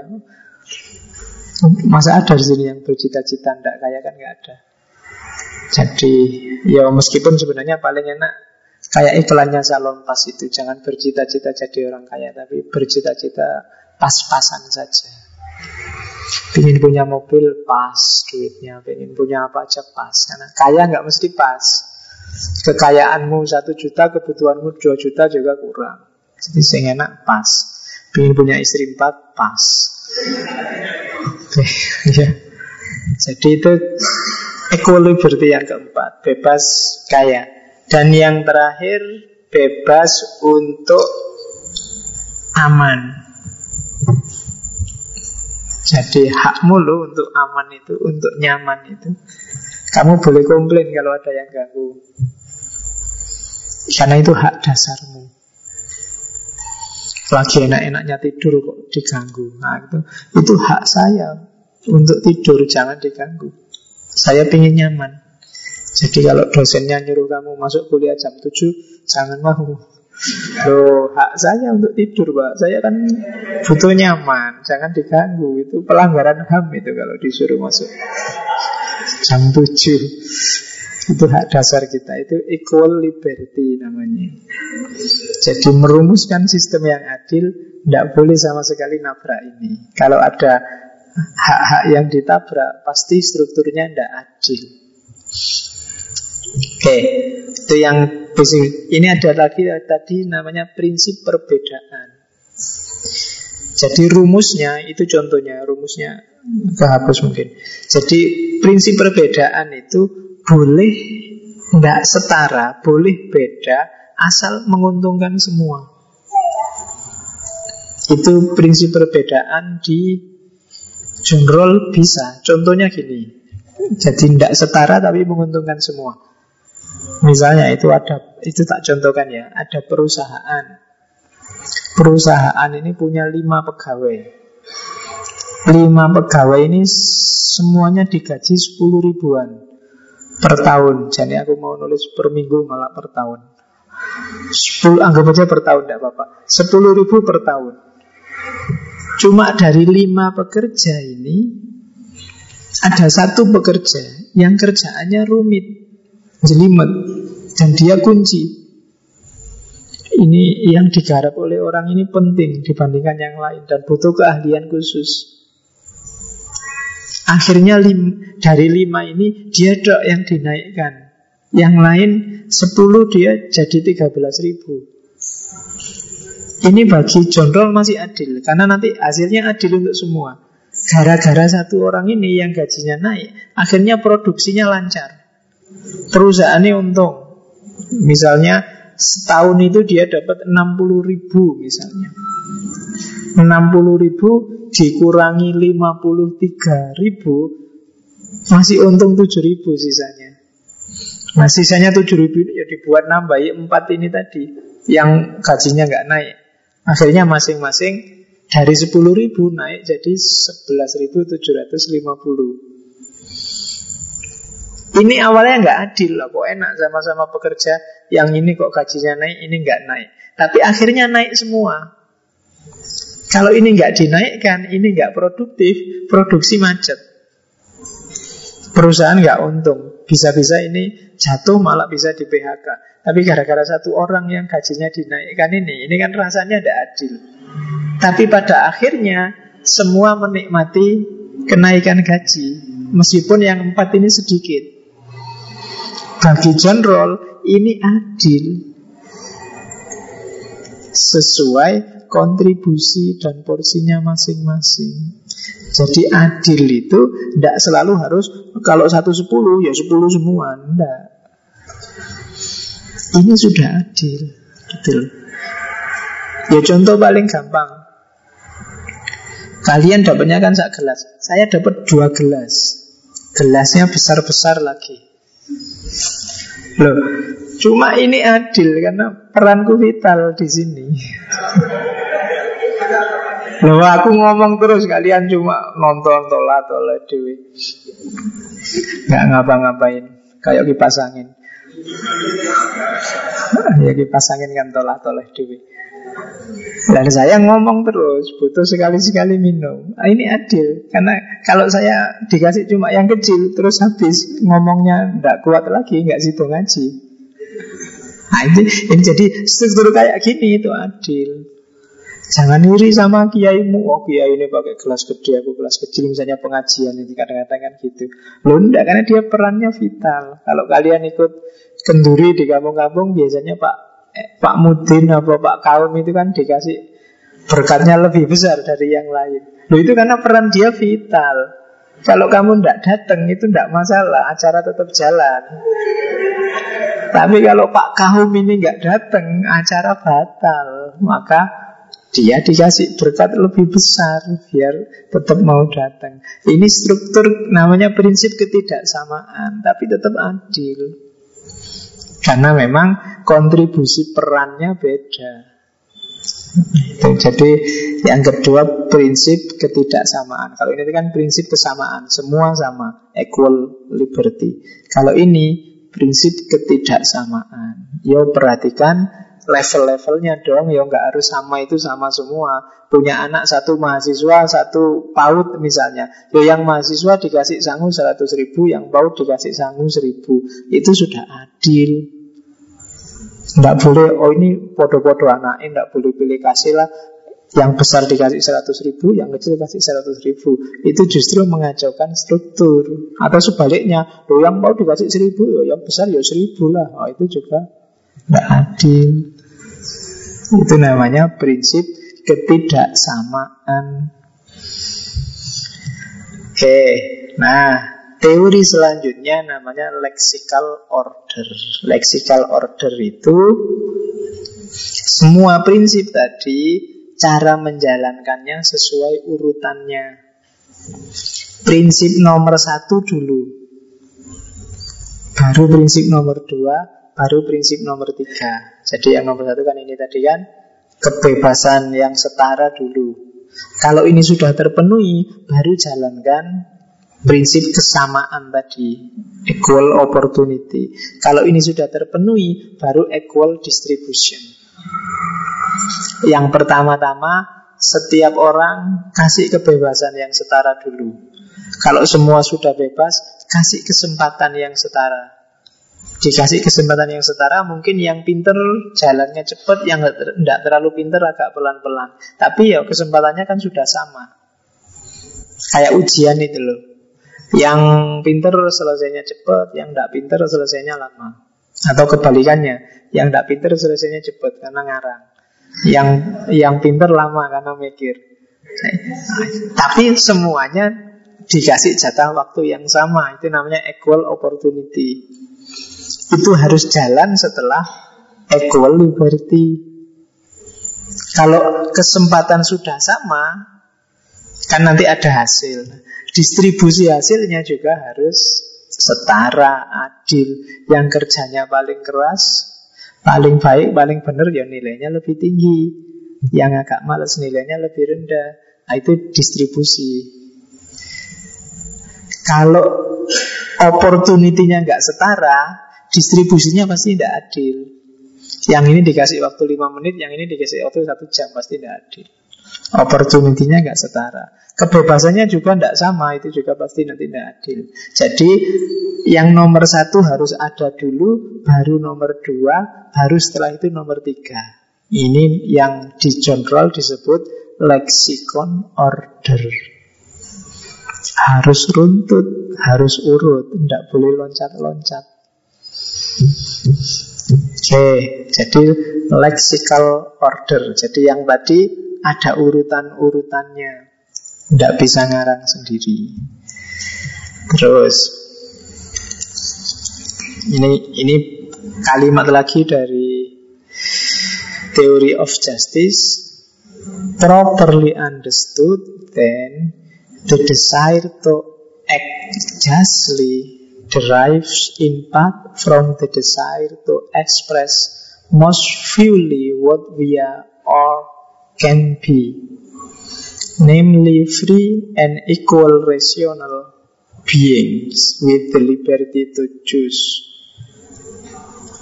Jadi katanya John Roll akhirnya bisa disimpulkan bahwa keinginan untuk berlaku adil itu sebagian boleh disimpulkan sebagian besar itu sama dengan keinginan untuk mengekspresikan diri kita sepenuhnya atau keinginan untuk kita ingin jadi apa secara jujur itu pasti adil. Kenapa? Ya, ketika bebas kita kan pingin macam-macam cita-citanya, pingin A, pingin B, pingin C. Inilah keadilan. Kalau kamu tidak bebas, kamu tidak full mengekspresikan dirimu. Mau gini nggak boleh, mau gitu nggak boleh. Nah itu pasti kamu sedang berada di ranah ketidakadilan. Tidak bisa mengekspresikan diri. Katanya general, nama lain dari keinginan untuk bertindak adil adalah keinginan untuk mengekspresikan diri sepenuhnya secara jujur. Gampang-gampangannya itu. Kamu ingin A, ingin B, ekspresikan itu secara jujur. Di situ nanti hasilnya adil. Tapi kalau kamu tidak bisa, pingin gitu tidak bisa, pingin gini nggak bisa. Berarti prinsip pertama tadi kebebasan dan kesetaraan tidak bisa terpenuhi. Jadi free and equal rational being itulah manusia. Jadi setara, sama semuanya dan bebas. Maka yang disebut adil adalah ketika kita bisa mengekspresikan diri dengan bebas. Oke. Sekarang hubungannya sama bikin struktur yang adil. Pertama-tama harus melalui yang namanya original position posisi awal. Oke ya. Original position itu ketika kita ada di masyarakat untuk bikin struktur yang adil, pertama-tama asumsikanlah bahwa semua setara. Apakah itu anak kos baru atau anak kos lama, atau anak Pak RT, atau tetangga yang baru pindah atau semua harus diposisikan sama. Itu original position. Awalnya harus setara semua. Tidak ada yang diposisikan lebih tinggi, tidak ada yang diposisikan lebih rendah. Kalau Pak RT memimpin rapat itu bukan karena Pak RT lebih tinggi, tapi untuk mengkoordinasikan keinginannya warga di RT situ. Ini namanya original position. Kalau sudah ada original position, baru bisa bikin struktur yang adil. Tapi kalau tidak bisa menempuh original position, susah bikin struktur yang adil. Ya kayak dulu zaman Pak Harto itu kalau berkunjung ke desa-desa, itu kan semuanya diatur. Nanti Bapak tanyanya ini ya, kalau Pak Harto lagi gini, baru angkat tangan. Terus pertanyaannya ini, nggak boleh diganti. Yang kedua ini, ini pertanyaannya agak lucu. Karena itu nanti setelah tanya semua bareng-bareng ketawa ya. Terus saya zaman kecil dulu ngerti ya kayak gitu. Diatur dan yang tanya itu bukan orang dari desa situ, biasanya sudah sudah dibawa dari mana gitu. Orang kampungnya tinggal lihat. Nah ini tidak setara pasti posisinya. Yang satu subjek, yang satu objek. Yang satu posisinya tinggi, yang satu posisinya rendah. Susah. Kayak kalian main sepak bola sama sultan atau main sepak bola sama dosenmu itu kan tidak setara, tidak enak. Mau ditabrak dosennya dewi, seneni aku. Kuatir nilainya jatuh, mau dia tidak enak. Tidak setara karena tidak bisa original position. Kalau ingin sepak bola yang adil harus original position. Apakah itu dosen, apa itu teman, nggak peduli. Yang penting musuh ya diterjang kita nyari menang kan gitu. Coba kamu sepak bola sama Sultan apa sama bapakmu sendiri apa sama anu kan tidak enak, tidak setara posisinya, tidak akan lahir sepak bola yang adil. Jadi bikin struktur yang adil harus original position. Harus ada di level yang sama. Makanya tadi kelas sama dosen sama mahasiswa susah. Kenapa? Tidak bisa original position. Ya kalau kamu berani dosennya masuk, Pak kita original position ya. Tidak usah peduli dosen apa mahasiswa. Materinya kita cari bareng-bareng Model kuliahnya kita rancang bareng-bareng. Nah, Itu bisa original position kalau kayak gitu. Tapi kalau apa-apanya dari dosennya Ya berarti belum original position. Strukturnya berarti belum adil. Untuk bisa adil harus original position. Cirinya apa original position itu? Yang pertama rationality, rasionalitas. Yang kedua freedom. Yang ketiga equality. Jadi kalau sudah ada di original position, tiga hal ini langsung terwujud.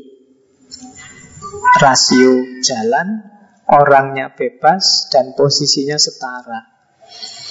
Kalau sudah kayak gini, bikin kontrak sosial apa pun akan adil. Karena kita setara, pasti untuk kepentingan bersama. Nah, terus untuk original position syaratnya dua. Yang pertama apa?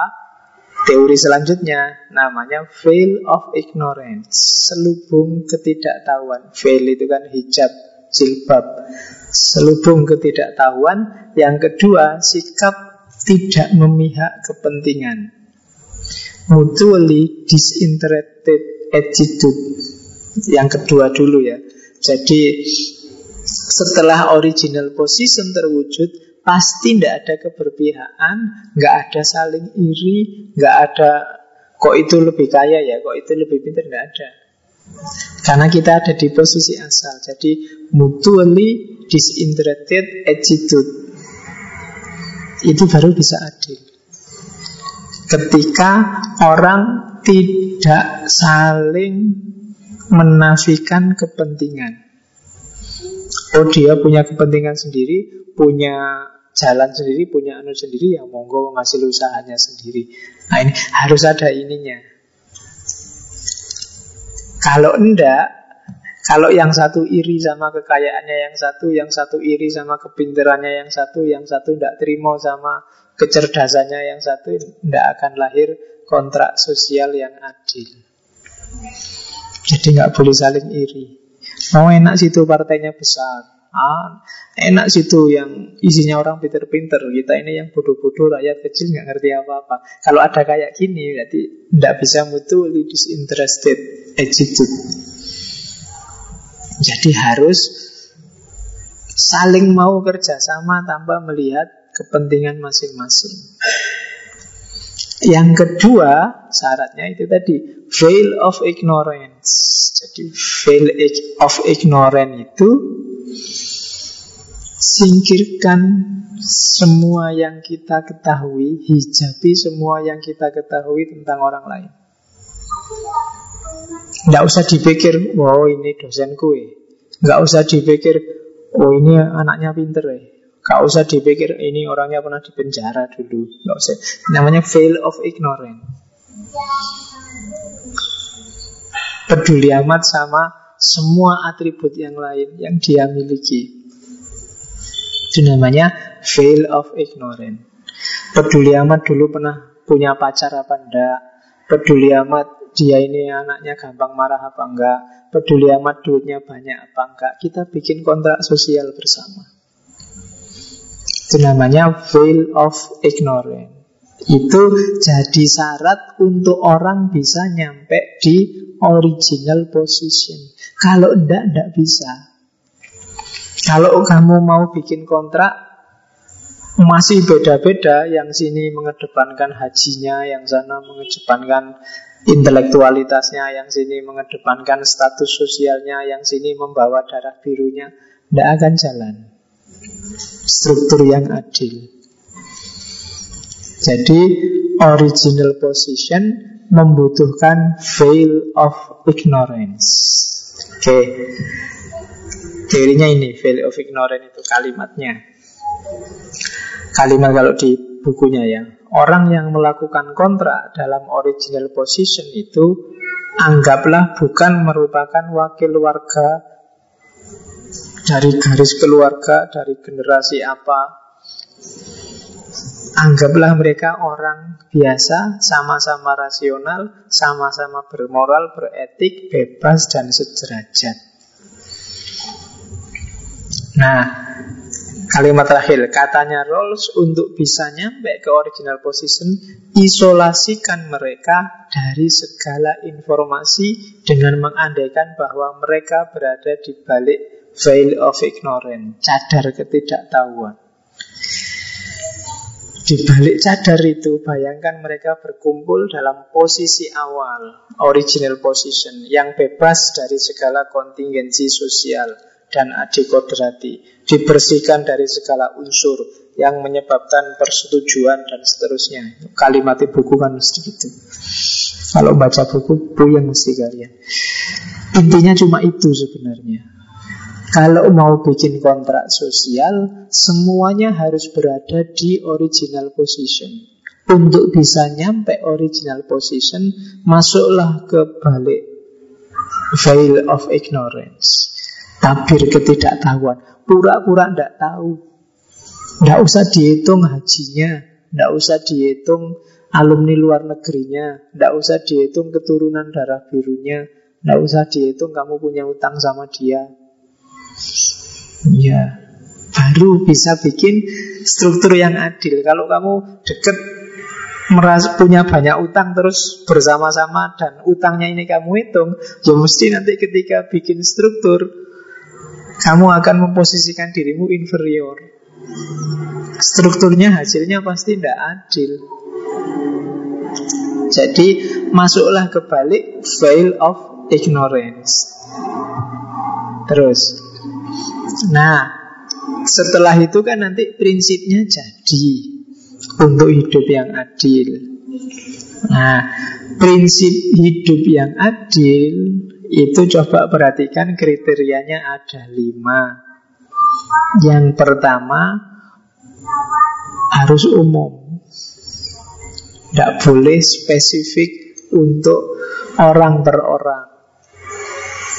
Setiap warga negara berhak mendapatkan pengajaran. Nah, itu kan umum. Setiap santri berhak mendapatkan gelas dan isinya. Itu juga umum. Setiap ini harus umum. Terus universal aplikasinya untuk semuanya dan diakui oleh semua. Tidak boleh ada yang tidak mengakui, tidak sepakat. Kalau ada yang tidak sepakat, keluarkan dari kontrak. Berarti laisa minna. Bukan termasuk kelompok yang terikat oleh aturan dalam kontrak. Harus diakui. Kemudian berurutan secara leksikal tadi. Dia harus menjamin kebebasan. Yang kedua, memberi kesempatan yang sama. Dan yang ketiga, distribusinya merata. Jadi secara leksikal ini. Dan yang terakhir harus jadi rujukan. Kalau ada masalah, prinsip itu yang dipakai. Kalau tadi sudah diputuskan apel paling malam jam 10, ada problem apa pun sehubungan, sehubungan dengan apel, kembali ke aturan. Tuh, aturannya kan sudah disepakati dulu jam 10. Jadi terlambat dua menit pun sudah melanggar. Misalnya jamu kok yo kelambatan misalnya. Yang dipakai kan jamnya Pak RT sesuai kesepakatan, bukan jamu sendiri. Ya kalau jamu sendiri enak nanti mentang-mentang anu kamu jok ke jamnya. Oh masih setengah sembilan Pak. Nah itu dia harus rujukannya aturan. Tidak bisa kok setiap kali ada kasus aturannya ganti. Itu namanya nggak adil, pasti. Jadi mentang-mentang temennya padahal sudah ada, ada aturan bareng begitu ada kasus ini adalah diganti dikit-dikit dimodifikasi dikit. Nah itu namanya tidak adil pasti. Mentang-mentang temennya kena kasus KPK misalnya ayo undang-undang KPK-nya diganti deh jangan yang itu. Nah, itu pasti tidak adil. Jadi kriteria keadilan itu prinsipnya harus umum aplikasinya universal, diakui secara publik, berurutan secara leksikal, dan jadi pedoman rujukan. Kalau sudah kayak gini berarti strukturnya adil. Nanti ada ilustrasi gimana cara membagi mendistribusikan kue secara adil. Misalnya ada lima orang. Dipotong jadi lima. Itu cara distribusi yang adil Yang sesuai prinsip-prinsip keadilan Itu ada syaratnya. Kalau di antara contohnya di John Roll itu. Syaratnya apa?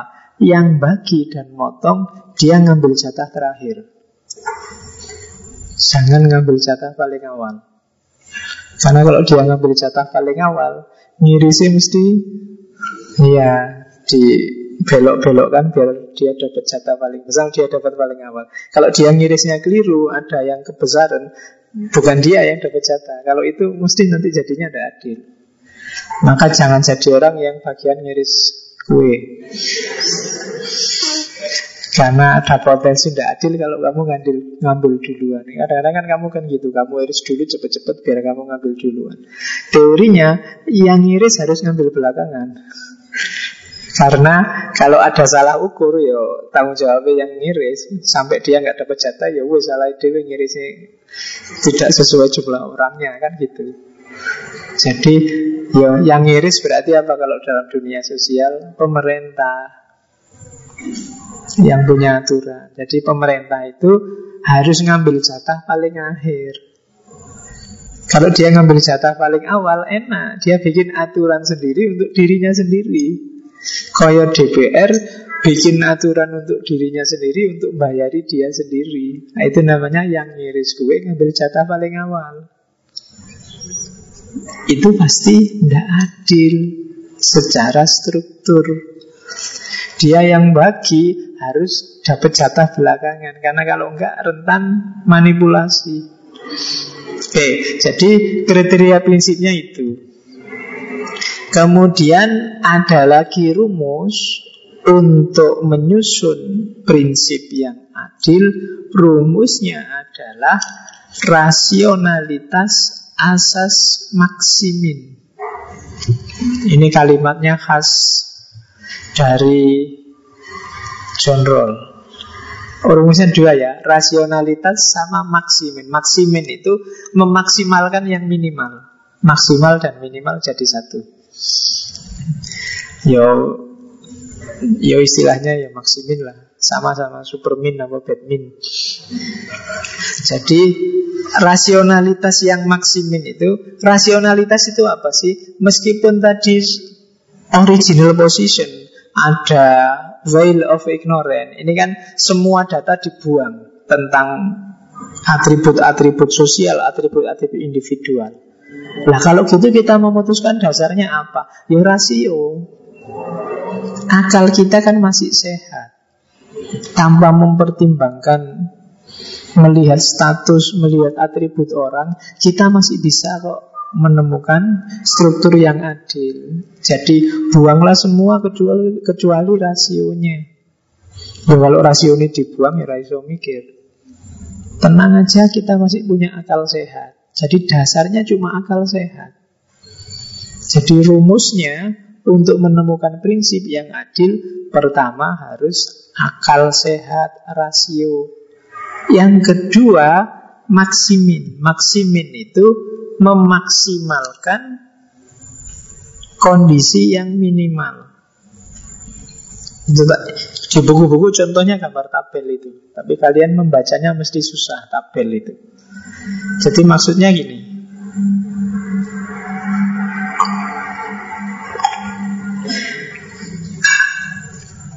Misalnya ya, ada tiga pilihan untuk hidupmu misalnya, atau pemerintah. Urusan apalah contohnya zaman SBY BLT bantuan untuk masyarakat. Ini dikasih langsung uang pilihan pertama. Ataukah diwujudkan langsung kebutuhan mereka kayak kartu Jakarta Sehat, Jakarta Pintar, pilihan kedua. Ataukah nggak usah dikasih aja biar dikelola pemerintah, toh nanti manfaatnya untuk rakyat, pilihan ketiga. Dari tiga pilihan itu, coba dicek. A kondisinya misalnya. A ini kelompok menengah ke atas. C kelompok menengah ke bawah. B kelompok tengah-tengah pas. Memiliki contoh ya. Kelas sosial kan susah contohnya. Pokoknya kelompok pas tengah-tengah Oke Kelompok misalnya Kalau dikasih duit langsung tunai Kelompok menengah ke atasnya min Dia rugi. Ruginya besar 7 itu angka kira-kira aja. Dia ruginya 7 nah kelompok menengah ke bawah untung. Dia lumayan dapat 9 dapat 12 yang pas tengah-tengah 9 Nah, kalau diwujudkan dengan jasa kayak kartu Jakarta Sehat, Jakarta Pintar itu kelompok menengah ke atas, wong dia nggak dapat tetap min, dia nggak dapat jatah. Kelompok menengah ke bawah untung besar, kelompok kecil ya untung. Kalau dikelola oleh pemerintah kembali ke rakyat, yang menengah ke atas ikut merasakan, yang menengah ke bawah juga merasakan, yang pas di tengah-tengah juga merasakan. Nah, maksimum dalam kondisi minimum itu kalau dijondol apa yang dipilih harus alternatif yang semuanya untung tidak boleh ada yang rugi kalau ada yang rugi berarti ada yang tidak adil wong yo bodoh-bodoh rakyate maka yang dipilih meskipun nilainya tidak besar-besar tetap dia akan milih alternatif ketiga di situ plus semua, tidak ada yang min. Di situ semua menikmati keuntungan. Berarti setara. Tidak ada yang dianak tirikan, dianak emaskan. Nah itu itu yang disebut maksimalisasi kondisi minimum. Kondisinya karena memang mepet, dimaksimalkan. Yang penting semua merasakan manfaatnya. Toh ya semua bayar pajak Tidak boleh ada yang merasa diri, dirugikan Nah itu maksimalisasi kondisi minimum Singkatannya maksimin Nah itu contohnya bisa kalian ganti Kuliah saja, opo nikah saja, opo kerja saja ABC-nya itu kan kelas. Bisa kalian ganti macam-macam. Semua yang berhubungan sama kalian bisa dimasukkan. Mungkin yang A itu orang tua, yang B itu pacar, yang C itu teman misalnya. Nah, kalau kuliah itu pacarnya merengut, temannya seneng, orang tuanya seneng. Kalau kawin, pacarnya seneng, temannya seneng, orang tuanya sumpah keluar biaya. Kalau Loh itu kan perhitungan Nanti carilah yang plus semua Seneng semua Kalau kerja mungkin semua ikut seneng. Dengan kerja kalian punya uang Terus mau nikah ya monggo dibiayai dewe Temennya juga seneng bisa utang. Orang tuanya Orang tuanya seneng. Berarti kerja aja deh dulu. Nah, Itu namanya maksimin. Kondisinya kan nggak mungkin semuanya harus milih salah satu. Jadi minimum dari satu itu pilihlah yang plus semua. Itu cara untuk menyusun prinsip keadilan. Cuma ini ya tidak gampang. Kalau situasi konkret ini harus detail merumuskannya. Ya kayak tadi kan ada kelas di atas garis kemiskinan, di bawah garis kemiskinan sama pas di garis kemiskinan. Itu kan ya situasinya sangat cair, tidak simple. Oke, habis ya. Terus An injustice is tolerable only when it is necessary to avoid an even greater injustice. Jadi kadang-kadang memang ada ketidakadilan. Cuma kadang-kadang ketidakadilan itu bisa ditoleransi untuk menghindari ketidakadilan yang lebih besar. Itu kalau bahasa usul fikihnya namanya dar'u akhofid dororain. Kalau ada dua bahaya, ya ambil yang lebih kecil. Khususnya untuk menghindari yang lebih besar. Itu teori keadilannya John Roll. Oke, ada lagi dari bukunya ada kalimat menurut saya menarik. Many of our most serious conflict are conflict within ourselves. Those who suppose their judgment are always consistent are unreflective or dogmatic. Jadi sebagian besar konflik serius dalam dalam hidup kita itu konflik within ourselves, konflik dalam diri, bukan konflik dengan orang lain sebenarnya. Ini yang sering jadi sumber ketidakadilan. Kita tidak bisa mengalahkan diri kita sendiri. Egois. Nyari enaknya sendiri, nyari menangnya sendiri. Those who suppose their judgment are always consistent Siapa pun yang menganggap penilaian diri mereka, penganggapan kebenaran hidup mereka selalu konsisten.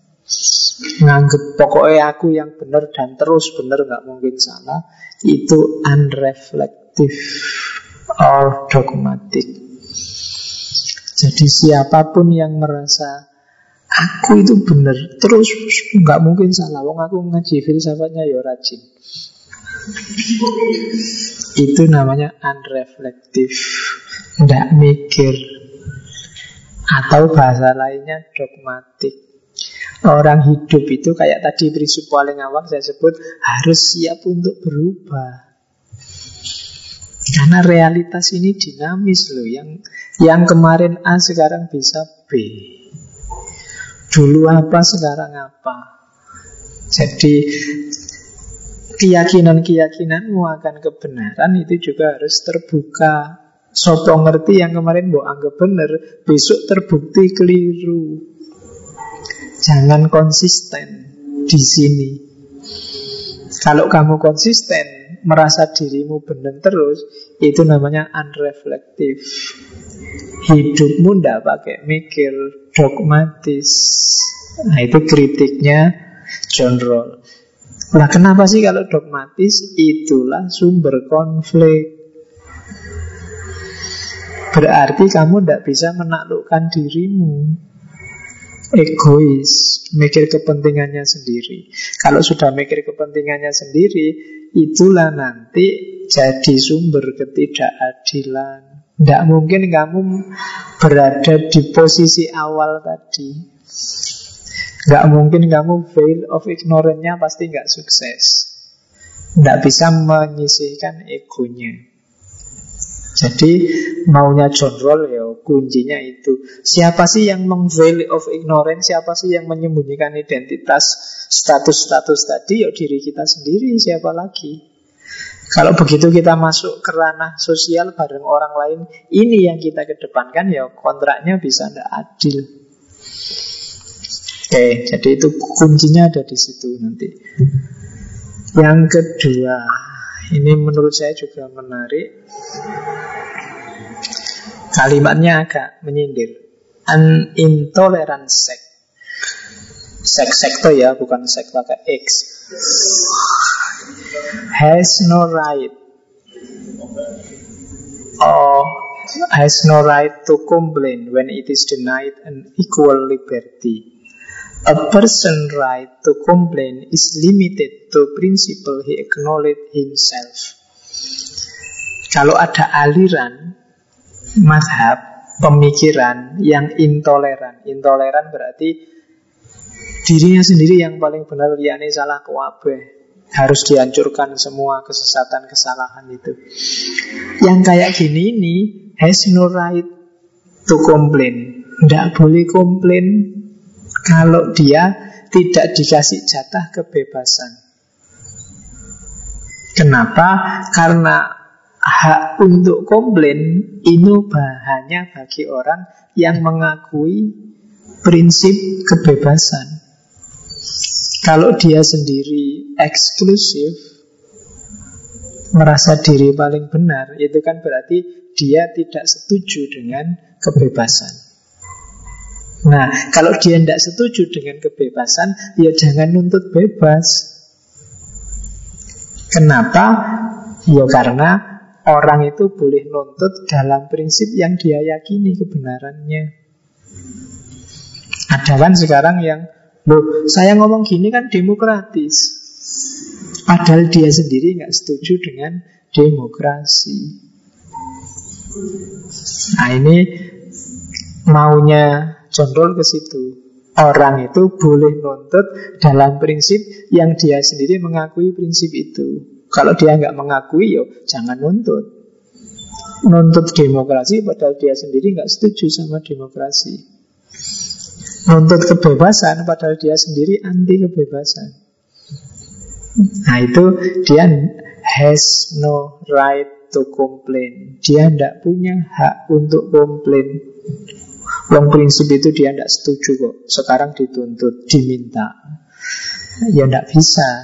Nah, itu maunya Roll. Ya silahkan kalian pakai sendiri kalimat ini untuk konteks yang pas. Asal tidak untuk gegeran ya. Selama ini saya lihat kok suka sekali orang Indonesia itu gegeran Urusan cilik-cilik jadi gegeran Tidak penting, tidak penting jadi gegeran Menghabiskan energi nah, Oke, okay. ini dalilnya. Dipakai sendiri boleh. Oke, okay. Alhamdulillah. Keadilan selesai. Semoga kita bisa hidup secara adil. Ya, mulai untuk diri kita sendiri. Karena yang paling awal itu terus untuk masyarakat sekeliling dan lebih besar lagi untuk bangsa, lebih besar lagi untuk dunia. Karena tugas kita yang paling utama kan dua.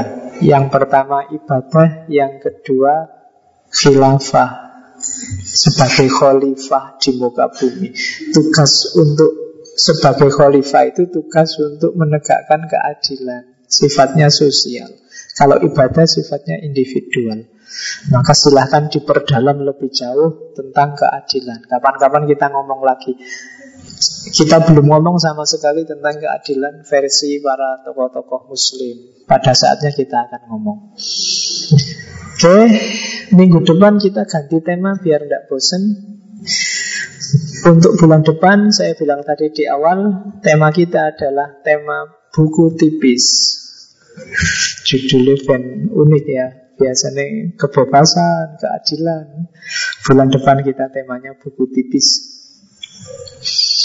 Bukunya Tadi sudah empat ya? Bulan depan ada empat minggu tuh Tadi ada Ghazali al-Mungkit minad dolal Ibn Rus Faslul Makol Ibn Tufel Hai bin Yadwan Dan Khalil Gibran The Prophet. Empat Jadi bulan depan kita ketemu buku tipis-tipis empat. Silahkan dihunting sekarang online buku-buku itu Biar setelah di sini ada bahan dikit-dikit. Oke, saya kira itu. Ketemu lagi minggu depan insya Allah. Kurang lebihnya mohon maaf. Wallahul muwafiq Wallahu a'lam Wassalamualaikum warahmatullahi wabarakatuh